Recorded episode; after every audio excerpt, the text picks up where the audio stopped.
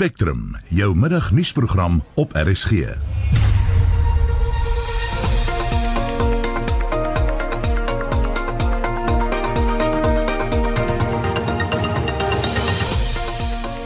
Goeiemiddag en welkom by Spectrum se laaste regstreekse uitsending vanaf die Toyota ES Woordfees in Stellenbosch vir die week. Reis en verblyfkoste vir hierdie uitsending word moontlik gemaak deur die Universiteit Stellenbosch sonder dat redaksionele besluite beïnvloed word. In vermiddag se program die voormalige bestuurshoof van die Openbare Beleggingskorporasie Dan Machila skuldig bevind aan magsmisbruik na ondersoek wat deur president Cyril Ramaphosa gelas is. Al hoe meer nuwe koronagevalle word aangemeld en musiekgewys spog ons met een van ons eie spanlede. Ons span in die geel karavaan is redakteur Marlenae Forsie, tegniese span is Ricardo McCarthy, Albert Klasen en Kilian Abrams, die redaksionele span is Ina Strydom, Vincent Mofokeng en studente hier aan die Universiteit Stellenbosch, Lizaan Anke Leo en Karel. My naam is Susan Paxton. Ons hoofstorie vanmiddag Die langverwagte verslag na die ondersoek na gebeure by die Openbare Beleggingskorporasie is bekend gestel en alle vingers wys na die voormalige bestuurshoof Dan Machila. In die verslag word bevind dat hy instrumenteel was in die samestelling van onwettige transaksies wat tot grootskaalse finansiële verliese gelei het. Die verslag het bevind dat die organisasie in die tydperk wat Machila aan die stuur was, verskeie beleggings gemaak het wat spesifieke individue verryk het. Die kommissie van ondersoek onder leiding van regter Lex Mpati het ook bevind dat Machila die omstrede transaksie met Iqbal se se AO Technologies van 4,3 miljard rand goedgekeur het op grond van valse inligting oor die waarde van die maatskappye se bates. Die kommissie het bevind dat die koöperasie Machila persoonlik verantwoordelik moet hou vir enige finansiële verlies en ons praat nou met uh, professor Amanda Gous, politieke ontleder uh, aan die Universiteit Stellenbosch. Amanda, wat is jou indruk oor die kommissie se bevindinge? Goeiemiddag aan almal wat hier is en aan die luisteraars. Um ek dink dit is 'n groot stap vorentoe in die bekamping van korrupsie. Um ons het ons vermoedens gehad, um maar die die feit dat dit nou so duidelik 'n uh, uitspraak is wat sê dat um Machila betrokke was by werklik verrykende um nalatigheid aan die een kant en misdadige optrede aan die ander kant. Ehm um, en en waar dit ook gegaan het oor die verryking van individue wat uh daaruit voordeel getrek het. Ek dink daar is die die persepsie dat uh, president Ramaphosa nie genoeg doen om korrupsie te bekamp nie, maar ek dink ons moet hierdie hierdie ehm um, kommissie uh en ondersoek as ook die sonderkommissie sien as dit wat die president doen. Hy stel kommissies aan wat ondersoek uh soeke moet loods en wat uitslae bring en ek dink as ons so ver sien wat uh uh bekend geraak het by die sonderkommissie en nou ook met hierdie ondersoek is dit baie duidelik dat daar vordering gemaak word om korrupsie korrupsie te ondersoek en waar daar uitslae is. Ehm um, Machina het die kommissie van baie spesifieke goed beskuldig en die aanbevelings is om hom te vervolg. Ehm um, is daar dalk nou ander hoogplaases in politieke kringe miskien wat die druk begin voel? Ek dink so. Ek dink daar is mense wat gedink het dat hulle kan wegkom uh, met die tipe gedrag spesifiek waar hulle ehm um, in die posisies van uitvoerende komitees of direksies is wat gedink het dat hulle is bo die reg en ek dink daar is 'n hele klomp mense wat nou bleek om die kiewe is na hierdie ehm um, uitslag. Soos jy gesê die kommissie, jy weet, is op die been gebring deur president Cyril Ramaphosa en het gepraat van 'n strategie. Dink jy hy is suksesvol met wat hy hier doen? Ek dink definitief so want dit hy hy self kan dit nie ondersoek nie, nê. Dit dit moet deur regsprosesse gaan en dit is baie belangrik dat daar uh baie duidelik is dat daar prosesse is wat aan die werk is, dat dit nie net um gebeur op 'n manier waar daar nie verantwoordbaarheid is nie. So hierdie is regsprosesse en ek dink dit is uh dit beteken ook die verantwoordelikheid word nie voor die president se deur gelaat dat hy persoonlik betrokke is nie, maar dat daar prosesse is en dis baie belangrik. Sou dit om byvoorbeeld uh, polities dier te staan kom as hy persoonlik sou betrokke raak? Absoluut. Uh want dan kan die vinger altyd na hom gewys word as uh nie neutraal nie, as nie onafhanklik nie, maar dat hy betrokke raak met spesifiek met 'n spesifieke agenda en dit is nie iets wat ons wil hê nie. En jy weet baie mense is ongeduldig. Het gister ook vir 'n ander ontleder dit gevra, um omdat hulle sê die president tree nie sterk genoeg op teen mense wat korrupsie pleeg nie. Dan al die bewyse is dan op die tafel. Um dink jy ons is ongeduldig of uh, is die president stadig? Ek dink ons is ongeduldig maar ook met rede want dit gaan nou al so lank aan. Uh maar maar die feit is dat ehm um, hierdie prosesse vat tyd en en dit is 'n uh, president Ramaphosa se strategie om 'n om 'n lang aanloop te neem. So hy kry eers alles in plek en dan word daar besluite geneem.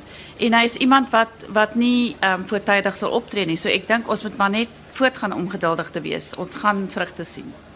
Baie dankie. Dit was die politieke ontleder van Universiteit Stellenbosch, Dr. Amanda Gous. Bietjie later gaan ons weer met haar gesels oor iets, so sy gaan nie heeltemal weg nie. Intussen die Universiteit Stellenbosch het tydens die droogte wat die Weskaap beleef het onderneem om teen 2020 baie waterwys te wees en water te spaar op kampus. Dit is nou 2020 en ons gaan uitvind of hulle die belofte nagekom het.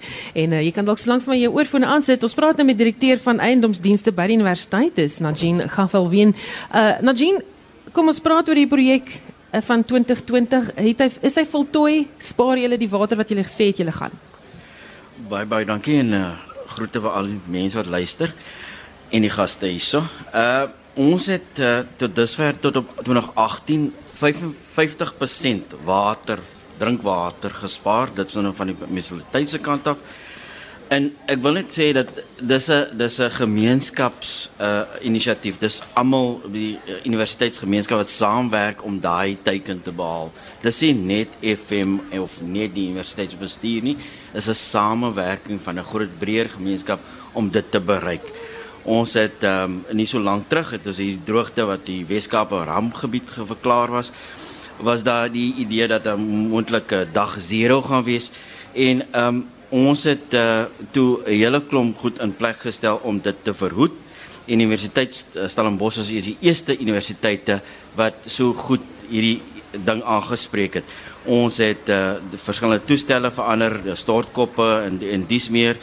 Ek moet vir jou sê dat ons as span en en en en John De Wet wat nou die volhoubaarheid bestuurder is by ons is nou vandag nie hier nie en uh, ook uh, Kobus Du Plessis uh, van ingenieurswese wat wat wie aan die dreef is van van hierdie van hierdie inisiatiewe het regtig met almal gepraat is dit is 'n breër 'n inisiatief wat wat wat breër strek as net net die die die uh, instandhoudingsspan Voor ons nou daar kom ons gaan gesels oor hoe julle byvoorbeeld mense oortuig het vir al die studente om ook water te spaar maar waar presies bespaar julle oral? Wat het julle gedoen? So een van die eerste goed wat ons gedoen het was om ehm um, by al die punte waar ons water gebruik en dis nou uh, wat ons toevoer na die na die koshuise en by die geboue het ons meters ingenou. Ons het 'n wat hulle noem 'n live system, so ons gaan dadelik sien wat se water gebruik is daar en hy hy hy stuur elke binne elke uh, 15 minute stuur hy dan nou data van hierdie elektroniese meters terug na ons stelsel, Terraform stelsel op by FM en ons monitor dan daai stelsels en dan kyk hoe wat se water gebruik. Die tweede is natuurlik dat ons ehm um, laat ons hierdie toestelle uh, uh, ingesit het, dis die stortkoppe, die krane vervang het en so aan en ook boorgate net om om om uh, water by te kry. Daarbey het ons nou onlangs uh, ons eerste grijswaterstelsel, eerste fase van die grijswaterstelsel by Sonop ingesit en dit tel dan al die grijswa die water van die storte op vir daai koshuise om tussen Merriman en Victoria. Hy vat dit na 'n 'n 'n 'n plant toe en hy maak hom skoon en dan stuur hy terug na die koshuise. Dit dit gaan verder vir ons water, drinkwater bespaar. Dit sê vir my julle wil uiteindelik die hele kampus op grijswater laat funksioneer. Vertel ons daarvan. OK. So ehm um, ons soos ek sê die eerste is uh, eintlik om water te bespaar, om minder water te gebruik. Dis en so ons het 'n wat ons noem 'n wateroptimaliseringsstrategie dat jy dan nou water gebruik vir sy nuttige doel. So jy het byvoorbeeld nie skoon water of drinkwater nodig om jou vloere te sko skoon te maak of jou toilette te spoel nie. Dit ons nou 'n uh, ingenieurs aangestel om dit te ondersoek. En dit was 'n lang aanloop. Ek bedoel dit dateer terug van 2013. Universiteit Stellenbosch het vooraf hierdie goed beplan. Dis nie net dat dit skielik uitgespring het met die met die droogte nie. Ehm um, toe het ons nou 'n uh, uh, wat hulle noem 'n water balance study gedoen en daaruit het ons nou een van die inisiatiewe was om um, grijswater van of liewers water van die storte te vat, skoon te maak en te stuur terug te stuur om om om toilette te spoel. Die eerste fase is om uh, uh, ingesit om die koshuise om die om die um, soos ek sê om uh uh uh tussen Merriman en Victoria en die befondsing het gekom beide van Sankom uh Anita Nel en en en Hein Swanepoel en dan het ons ook geld gekry van uh uh hoër onderwys om daai projek te befonds. Is dit 'n duur transformasie?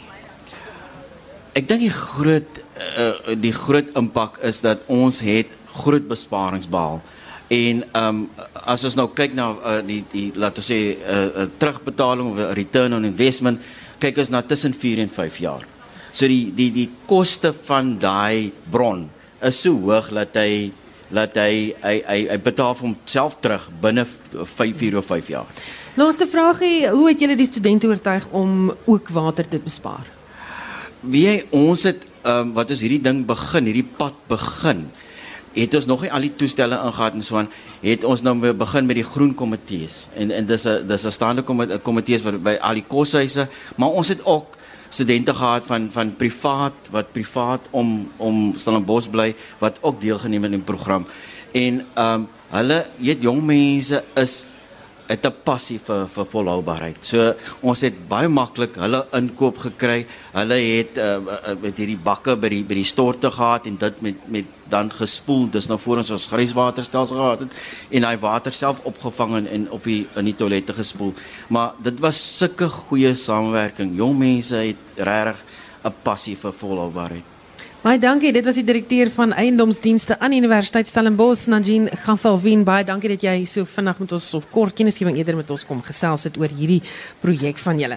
Tyd vir musiek en ons het dit goed gedink om vandag iets uit ons eie geleedere vir jou te speel. Die span wat by ons uitsending betrokke is, hier is mense met vele talente en soos beloof gaan ons dan nou eh, vandag een van hierdie talente tentoonstel. Ons klankingenieur, Ricardo McCarthy, hy's nou die ou wat altyd die knoppies druk hier agter. Ehm um, hy hou net ons program op die lig, nee, hy's ook 'n krangige musikant kant. Uh hy's gewoonlik doenig met al die tegniese aspekte van die program en uh, maak hom meer seker dat uh, ons op die lig bly. As iets gebeur dan maak hy dit reg. Uh en uh, hy en sy orkes is hier om musiek te maak vir ons middag. Hulle is genaamd New Beginnings uh, projek. Ricardo, julle maak musiek vir 'n goeie doel. Vertel ons daarvan. Middag Susan en middag al die luisteraars. Ja, elke dag gee vir ons 'n geleentheid om uh oor te begin en uh en dis die naam van ons groep, New Beginnings projek. Ons is nou al vir die afgelope 5 jaar saam. En uh lede van die groep uh het omtrent oor 100 jaar ervaring. Almal saam, ja. Ja. Jo, goed, wat gaan julle speel vir ons? Um I Wish by Stevie Wonder. Voor jy dit doen, wie is die groeplede? Vertel ons net gou 'n naam, stel ons voor. Okay, op gitaar het ons vir Clive Fister. Op sy uh, uh, vocals is Belinda Geduld en Sheldon Erasmus en dan hier op basgitaar vir Bernie Lawrence en um, op tromme is uh, Ricky se dress. So hy het dieselfde naam as my. Ja, Ricky en Ricky, daar sê. Ja. Floris julle sinne speel vir ons daar 'n bietjie musiek. Dit, dit is die New Beginnings uh, projek wat uh, vir ons gaan musiek maak vanmiddag hier op Spectrum.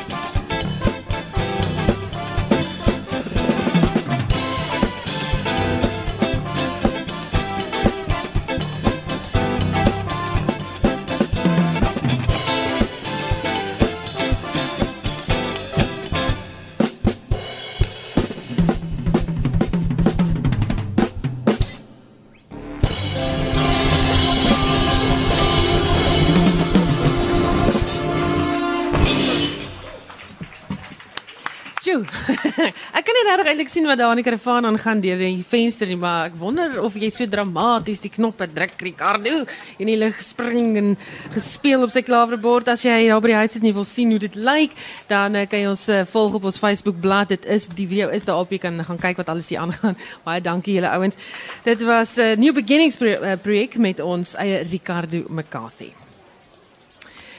Dit is nou tyd dat ek net gou sien al my papiere regkry want dit het nou te mekaar geraak. Suid-Afrika gaan gebuk onder wydverspreide armoede. Baie gemeenskappe gaan ook gebuk aan 'n tekort aan basiese dienste, spesifieke of spesifiek skole infrastruktuur. Boonop word akademie en sport meestal geprioritiseer in skole bo die kunste en hier by die Toyota ES Woordfees is die kollig op die kwessie geskyn. Karl Thomas en Lizaan Steenkamp het meer inligting. Volgens die boek Constructing a Nation: The Role of Arts Education in South Africa deur Lorraine Singh, is die kunste 'n kragtige platform om kulturele verskille te ondersoek. Die koördineerder van die organisasie Living Legends, Debbie Iman van X, sê die projek Luitkeels hier by die Woordfees poog om selfvertroue in kinders te kweek. So die organisasie Living Legends werk in omtrent 13 skole met so 12000 kinders um, elke week, maar grootendeels op sport gefokus. En ons het besef dis eintlik net 'n baie klein deel van leerders of kinders wat ontwikkel word. So ons wou baie graag die program uitbrei om kuns in te sluit. En toe het ons begin kyk na wat is die onderwerpe wat eintlik mees relevant is en dis hoe ons by die Luitkeels uitstalling uitgekom het. So die hele groter projek gaan oor ek behoort of I belong en in hierdie geval luidkeels. So wees wie jy is, droom groot, droom luidkeels. Wees wie jy is, luidkeels. So dis eintlik hoe die projek begin het. Gerard van Eck, 'n prominente beeldhouer, het as fasiliteerder vir ongeveer 300 kinders op hierdie projek gedien. Marcelino Vieira van die projek sê die leerders het aan verskeie aktiwiteite deelgeneem wat hulle gehelp het om hulle self beter te leer ken. Hy sê dit is op die ou end in kuns omskep. Ek was by die uitstalling waar die kinders nou kon kyk na hulle kunswerke. Aan die begin is hulle bietjie skaam om te sê, "Oké, okay, daai is myne of dis myne," maar dan jy interact net bietjie meer met hulle en dan is hulle weer excited om te sien, "O, oh, kyk, hier's myne, hier's joune." Dis nice om te sien hulle hulle kunswerke gedoen en nou kom hulle na die uitstalling toe en sien, "Wow, my goed word soos gewys vir mense en ja, dis net dis dis nice.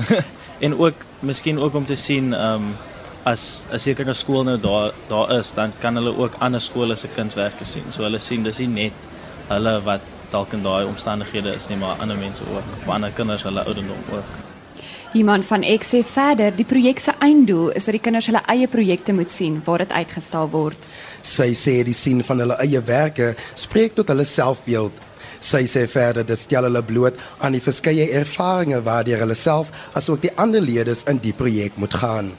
Ek dink daar's verskillende redes. Die een ding is kuns verbreed definitief horisonne. Dit gee vir ons die geleentheid om 'n gesprek met hulle te hê oor ander tipe goedes wat hulle dalk elke dag aan blootgestel is. Maar dit gee ook die geleentheid vir hulle om bietjie na hulle self te kyk. Een projek wat ons gedoen het want ons het by al die verskillende skole verskillende projekte gedoen. Gerard van Eck is 'n beeldhouer en hy het het die al die projekte gefasiliteer met die kinders en almal verskillende goed. In een projek byvoorbeeld het hulle hulle self geteken en dan op die agterkant van die bord waarop hulle geteken het, het hulle byvoorbeeld die onmiddellike mense rondom hulle geteken. En net daai wisselwerking tussen ek kyk myself in die oë in 'n spieël en ek kyk na iemand anders en hoe dit dan nou anders is om jouself te sien versus iemand anders. Dit was eintlik vir hulle traumaties op punte om hulle self te teken. So dis 'n bietjie kyk na jouself en die verskillende projekte het gegaan oor of jouself, die mense rondom jou, die omgewing waarin jy is, hoe ons almal eintlik verbind is aan mekaar, maar dat daar ook moontlikhede buite hierdie omgewing is. So dit was 'n bietjie verbreding van horisonne, maar ook om ja vir iets te skep wat nie noodwendig gewoonlik blootstelling het nie, ja. Dit was Debbie iemand van Eck, die koördineerder van die organisasie Living Legends. Ek is Karl Thomas. En ek is Lizaan Steenkamp vir SAK nuus in Stellenbosch. Dis nou 13:39 jy luister na Spectrum. Professor Amanda Gous is wie hier by my op die verhoog, sy het nog nooit geloop nie. Uh sy is deel van verskeie gesprekke wat hier by die Woordfees gehou word en een van hulle is getitel Die koste van seksuele geweld vir Suid-Afrika en ons gaan bietjie met haar gesels nou daaroor. Hoe bepaal mens hoeveel so iets kos? Wel, ek dink daar's verskillende vlakke waarop die koste ehm um, geskat moet word en een natuurlik is bloot finansiëel, ekonomies. Dan is daar ook sielkundige koste en sosiale koste. So in 2014 het KPMG die um, auditeursfirma 'n uh, studie gedoen van uh wat wat geweld kos. En hulle bevinding was dat dit is tussen 28 en 42 biljoen rand of miljard rand per jaar. Nou dit is 'n baie groot statistiek. Kry jou kop daar rondom. 28 tot 42 miljard rand. En die rede hoekom daai statistiek belangrik is is dat waar waarop word dit geskat, nê? Dit is nou byvoorbeeld mediese kostes wanneer iemand geslaan word. Dit is interdikte, dit is ehm um, kinders wat uit die skool gehaal word. Dit is 'n gebrek aan ehm um, byvoorbeeld 'n uh, 'n shelter waarheen mense kan gaan so hulle moet geld uitgee op 'n plek om te bly, uh mediese onkoste en hofkostes en ambulanskostes en so aan. En ek dink ons dink nie altyd daaroor as ons dink aan die koste van van geweld nie, ja. Ehm um, dink jy dit kan meer wees as mens byvoorbeeld kyk na hoeveel vroue nie geweld aanmeld nie? Nou presies. So hierdie kostes word uitgewerk op uh gerapporteerde seksuele geweld. So de, de, en dit is uh, gesinsgeweld, né? Ehm um, en en ons weet dat daar is 'n baie baie groot onderrapportering van gesinsgeweld. Goed, uh, wie betaal hiervoor? Wel, ek dink daar's die soort van die begrip dat dit uh die persoon is wat wat die slagoffer is, maar baie van daai koste word ehm um, deur die belastingbetaler gedra, waar mense byvoorbeeld nie mediese fonds het nie, wat van ehm um, openbare gesondheid gebruik maak en so aan. So baie van daai geld rus op die skouers van die belastingbetaler. Wat is die stand van sake by instellings waarin vroue hulle moet wend vir hulp? Nou dit is ook 'n groot uh probleem want uh ons het skuilings, ons noem hulle shelters for domestic violence. Um kry 'n subsidie 'n subsidie van die staat wat hier um in in 2014 was dit 'n een van my projekte as 'n kommissaris vir die kommissie van geslagsgelykheid het ek saam met die vroue uh die Women's Legal Center het ons 'n uh, projek gehad om die koste uh die subsidiekoste uit te werk. En dit het neergekom op uh, omtrent R3 per vrou. Ehm um, nee, jammer, R38 per vrou per dag. Ehm um, en dis baie laag. So die kostes behoort baie hoër te wees. Daar is te min skuilings. Ehm um, en uh, wanneer 'n vrou gaan en sy neem haar kinders saam, dan is daai bedrag heeltemal te klein. En die bedrag is maar gewoonlik vir kos. Maar dan is daar ook die kwessie dat mense het berading nodig. Hulle kinders moet kan skool toe gaan. Hulle het ehm um, ook opleiding nodig sodat hulle kan gaan werk as hulle uit die skuilings uitgaan. Anders gaan hulle terug na mans toe wat hulle slaan. So die die die en die grootste befondsing vir skuilings kom van ehm um, van die buiteland af. So dit is mense wat geld skenk en en dit is ook besig om op te droog want Suid-Afrika is nie meer uh die die flavour of the month nie. En ons geweld is so genormaliseer dat niemand meer dink dat dit 'n ernstige probleem is nie of dat daar uh, befondsers is wat dink dat dit is nie meer 'n ernstige probleem nie. Uh met omtrent 45600 uh ge, uh, ge, aangemelde uh verkrachting en ander forme van geweld in 1 jaar uh, is dit 'n baie hoë statistiek en dit is geweldig genormaliseer. Ek weet jy moet nou hardop na 'n volgende plek toe, maar net nog een vraag. Die kollig is op die kwessie in die land, maar doen ons genoeg om dit te bekamp? Wel, ek dink daar is van die van ons wat in die burgerlike samelewing baie hard daaraan werk. Ehm um, die die probleem is dat die staat het baie inisiatiewe wat hulle sê hulle stuur van stapel, maar dan kom daar niks van nie. Ek meen die laaste keer was daar 5000 mense voor die parlement nadat Uyeneni dood is in die poskantoor. En toe is daar baie beloftes gemaak en 1.3 uh, miljard rand dink ek op sy gesit. Nou waar is die geld? Wat word daarmee gedoen? Dit is nog glad nie duidelik nie. So daar's 'n vreeslike groot lag time tussen uh, wat gesê word en wat gedoen word. En ek dink dit is die ding wat so ontmoedigend is dat ehm um, die, die die saak is so dringend, maar die optrede is so stadig. Baie dankie. Dit was professor Amanda Gous, sy politieke ontleder hier van die Universiteit Stellenbosch. Dankie dat jy hier gebly het met ons gesels het. Melanoomkanker is 'n uiters skaars vorm van kanker en Maart word gewy aan bewusmaking eh, van die soort kanker. Een van die groot uitdagings in die verband is die koste van die medikasie. Pasiënte moet maandeliks minstens R60000 opdok. Salome Meyer is een van die aktiviste wat nou reeds jare lank 'n stryd voer om die prys van die en ander kankermedikasie um weet laer te maak, minder te maak. Sy is die veldtogbestuurder van die Cancer Alliance uh, Access veldtog. Ons praat nou met haar. Um Salome, wat kos dit pasiënte wat nie mediese fondse het nie om die nodige behandeling te kry. Sit lekker naby aan die mikrofoon vir my. Pasiënte wat nie mediese fondse het nie, het ongelukkig op hierdie stadium van die wêreld nie regtig toegang tot van hierdie produkte nie. En dis juist wat een van ons probleme is. As die staat moet R60000 'n maand vir een pasiënt moet betaal vir sy melanoom medisyne, kan die staat dit bes beslis nie bekostig nie.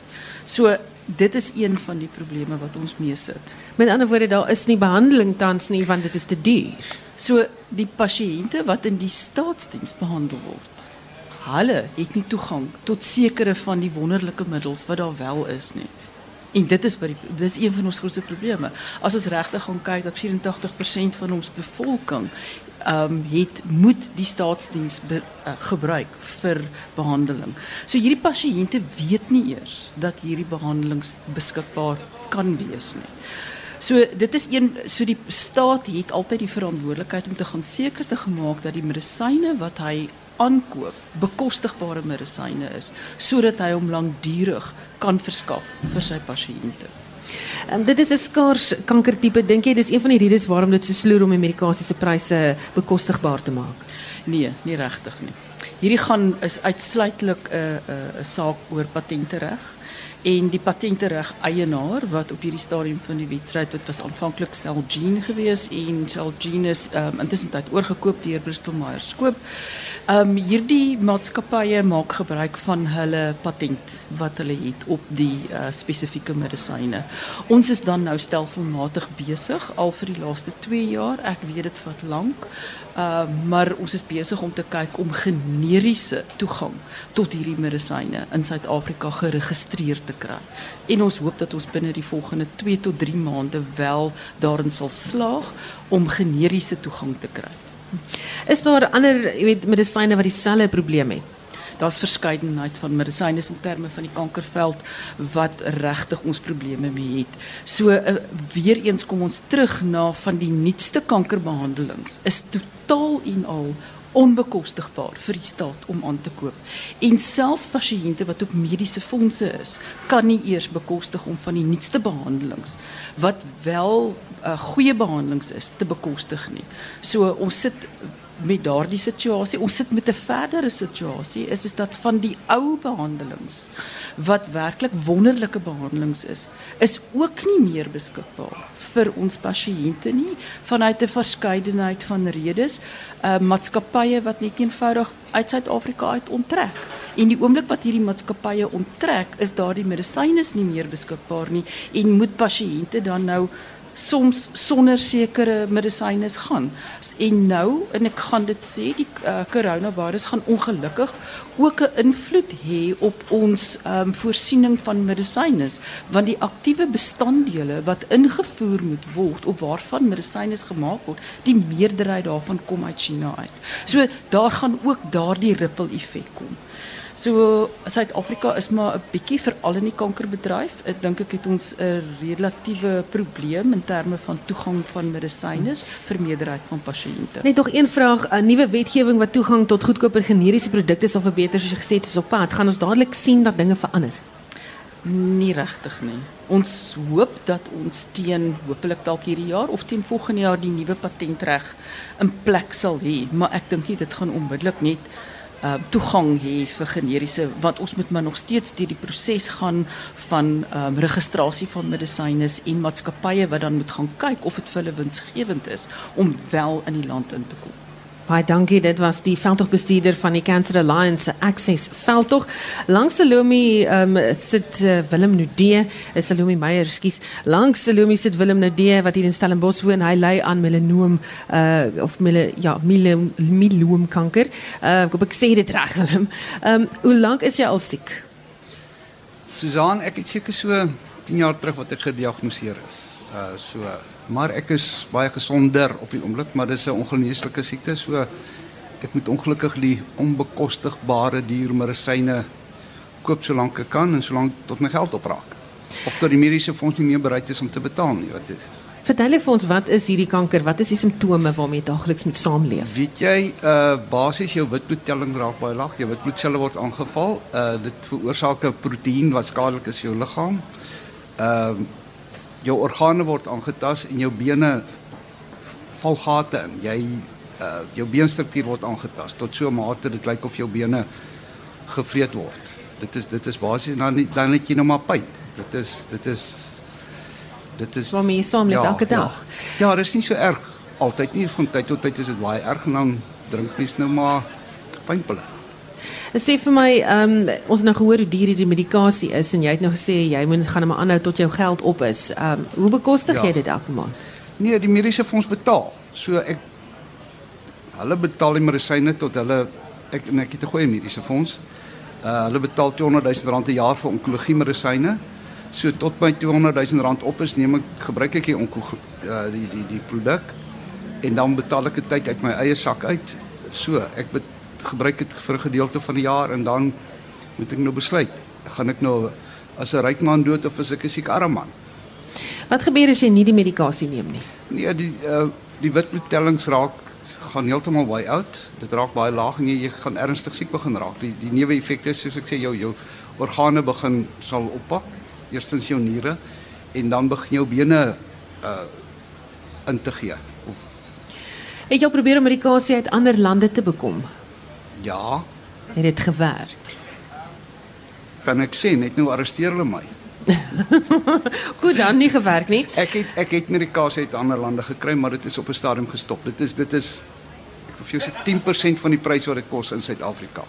Ehm um, hoe laat hierdie dinge mens voel? Jy weet dat hierdie medikasie daar is, dit is goedkoop bekostigbaar en jy kan dit nie kry nie.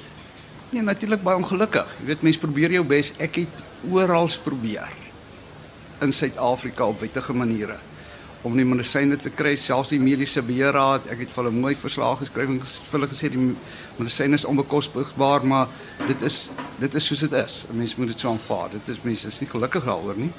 En uh, mense wil dit graag verander. Dis hoekom maar mense soos sy soos uh Salome, ja. Salome, ekskuus ek wys nou uh, na. Salome is wat wat die wat die veldtog dryf. En daarvoor is ons baie dankbaar. As jy met die regering kom praat hieroor, wat sou jou boodskap wees? Ek verstaan dat daar patente regte is en ek verstaan hoekom dit daar is want daai farmaseutiese maatskappye spandeer 'n fortuin aan navorsing. Maar mense wil graag hê dat daar is goedkoper, baie goedkoper alternatiewe wat vir 'n groot klomp mense wat dit glad nie kan bekostig nie, 'n groot verskil kan maak in hulle lewe. Ek wil net weer terugkom na pryse en so Ja. jy, jy het nou gepraat van jy het oorsee medikasie gekry, dit is gestop. Ehm hoe, hoe vergelyk jy pryse? Dis omtrent 10% van wat ons nou minder as 10%. Tussen 5 en 10% wat dit nou kos as jy dit van oorsee af invoer. Salome, ek sien jy jy kyk en jy knik jou kop en jy gaan aan. Wat, wat is jou mening oor alles wat hy nou hier sê? So die prys van sy spesifieke medisyne wat hy op hierdie stadium van die webwerf gebruik is R62000 'n maand. As jy daardie selfde medisyne in 'n generiese vorm moet gebruik en wettig in Suid-Afrika kan kry, dan gaan dit jou minder as R4000 'n maand kos. En dit is die realiteite waarvan ons praat. R4000 teenoor R62000. So dit is 'n maatskappy en ek verstaan en ek hoor wat Willem sê in terme van ja. Ehm um, en wanneer ons in terme van wat ons noem the fix the patent law ehm um, uh, projek wanneer ons kyk na die hele uh, kwessie van die um, ver, hervorming van die patentreg is ons nie besig om te sê daar is nie dat, dat maatskappye nie die reg het op patente nie. Dis nie wat ons sê nie, maar wat ons wel sê is dat jy het 'n sekere tydperk vir 'n patent. En daarna moet ons gaan seker maak dat jou patent nie verjaar nie of dat met die verjaar met ander jy kan hom nie aanhoudend net eenvoudig hernie en hernie en hernie nie. En dit is wat besig is om in Suid-Afrika te gebeur is is dat daardie patent en en eintlik is hierdie medisyne, hierdie spesifieke medisyne, is 'n baie ou medisyne en sy patent het eintlik baie lank al verval. So ons praat van sekondêre patente en dit is die tipe van goed nou ons regtig moet gaan kyk wanneer ons praat van toegang en uh, gelyke toegang vir mense en ek dink dit is waarvoor ons self beywer. Daar sê baie dankie. Dit was Salome Meyer. Sy is die veldtogbestuurder van die Cancer Alliance se Access veldtog en saam met haar gesels uh, Willem Nudee. Hy bly in Stellenbosch en hy het 'n baie rare tipe kanker, mieloom en hy het ingestem met ons te praat vandag. Baie dankie dat jy jou storie met ons kom deel het en baie sterkte met jou pad vorentoe. Baie dankie Susan. Sterkte vir jou ook. Goed en baie dankie. Net so voor ons moet groet hier uit Stellenbosch uit op die verhoog na die sportveld toe. Die ripple effek van die coronavirus is steeds uh, jy weet op sperd of of dit beïnvloed steeds sportbyeenkomste wêreldwyd. Super rugby is die nuutste slagoffer, die jongste slagoffer met oormôre se wedstryd tussen die Jaguares en Highlanders in Buenos Aires wat agter geslote deure gespeel word. Ons praat nou oor die en ander sportstories met uh, Renet Cronje. Renet, bykans elke sport onder die son is deur die COVID-19 virus beïnvloed. Dit is so Susan, ek dink daar is sportondersteuners wat nie meer weet wat hulle naweke met hulle self moet doen nie want vir al die sokker sokkerondersteuners in Engeland kan nie meer van hulle sokkerspanne gaan volg in die stadions nie, so ek vermoed hulle gaan ander stokperdjies moet kry, miskien moet hulle begin brei. Maar daar's twee rugbywedstryde in Japan wat reeds geskuif is en die burgemeester van Buenos Aires het opdrag gegee dat daar vir die volgende 30 dae geen skades by sportbyeenkomste mag wees nie. Ander super rugby nuus, 'n wedstryd wat wel plaasgevind het vandag is uh, die kragmeting tussen die Hurricanes en die Chiefs wat vanoggend in Hamilton beslis was. Die Hurricanes het die Chiefs naalbyt geklop met 27-24. Hulle loskakel het letterlik in die 83ste minuut 'n strafskop deur die palle gejaag en toe die Hurricanes vir die eerste keer in 13 jaar die Chiefs in die stadion geklop. Uh, natuurlik nog ook uh, uh soos jy sê die ripple effek van die coronavirus is dat die Pro 14 rugby kompetisie wat in die suidelike half ekskuus tog die noordelike halfrond plaasvind en waarin Suid-Afrika se Chief is se Cheetahs en Southern Kings deelneem is nou ook deur die coronavirus geraak en die kompetisie is voorlopig gekanselleer. En golf Ja, golfliefhebbers dink ek sit vandag beslis in sak en as en dit is nou nadat die PGA reeks uh, die spelerskampioenskap wat gisteraand plaaslike tyd in Florida begin het, uh, nou ook afgelas het. Die eerste ronde het wel plaasgevind en ironies genoeg het 'n Suid-Afrikaner uitstekend gevaar. Christian Besaidnout het gister se eerste ronde voltooi in 65 houe, 7 minder as die baansyfer en hy het dan gesamentlik tweede klaar gemaak en die Japanees Hideki Matsuyama was die voorloper na 'n ronde van 63. Tyd hardloop vinnig uit. Vertel ons gou van die cricket wêreldbeker toernooi wat aangaan daar in uh, hier op eie bodem. Ja, die die Golden Oldies soos ons vroeër die week na hulle verwys het. Hulle speel vandag teen Engeland. Hulle was vroeër toe ek na die telling geloer het op 102 vir 5 na so 30 balbeurte. Voor die penne was Dave Callahan en Pieter Strydom.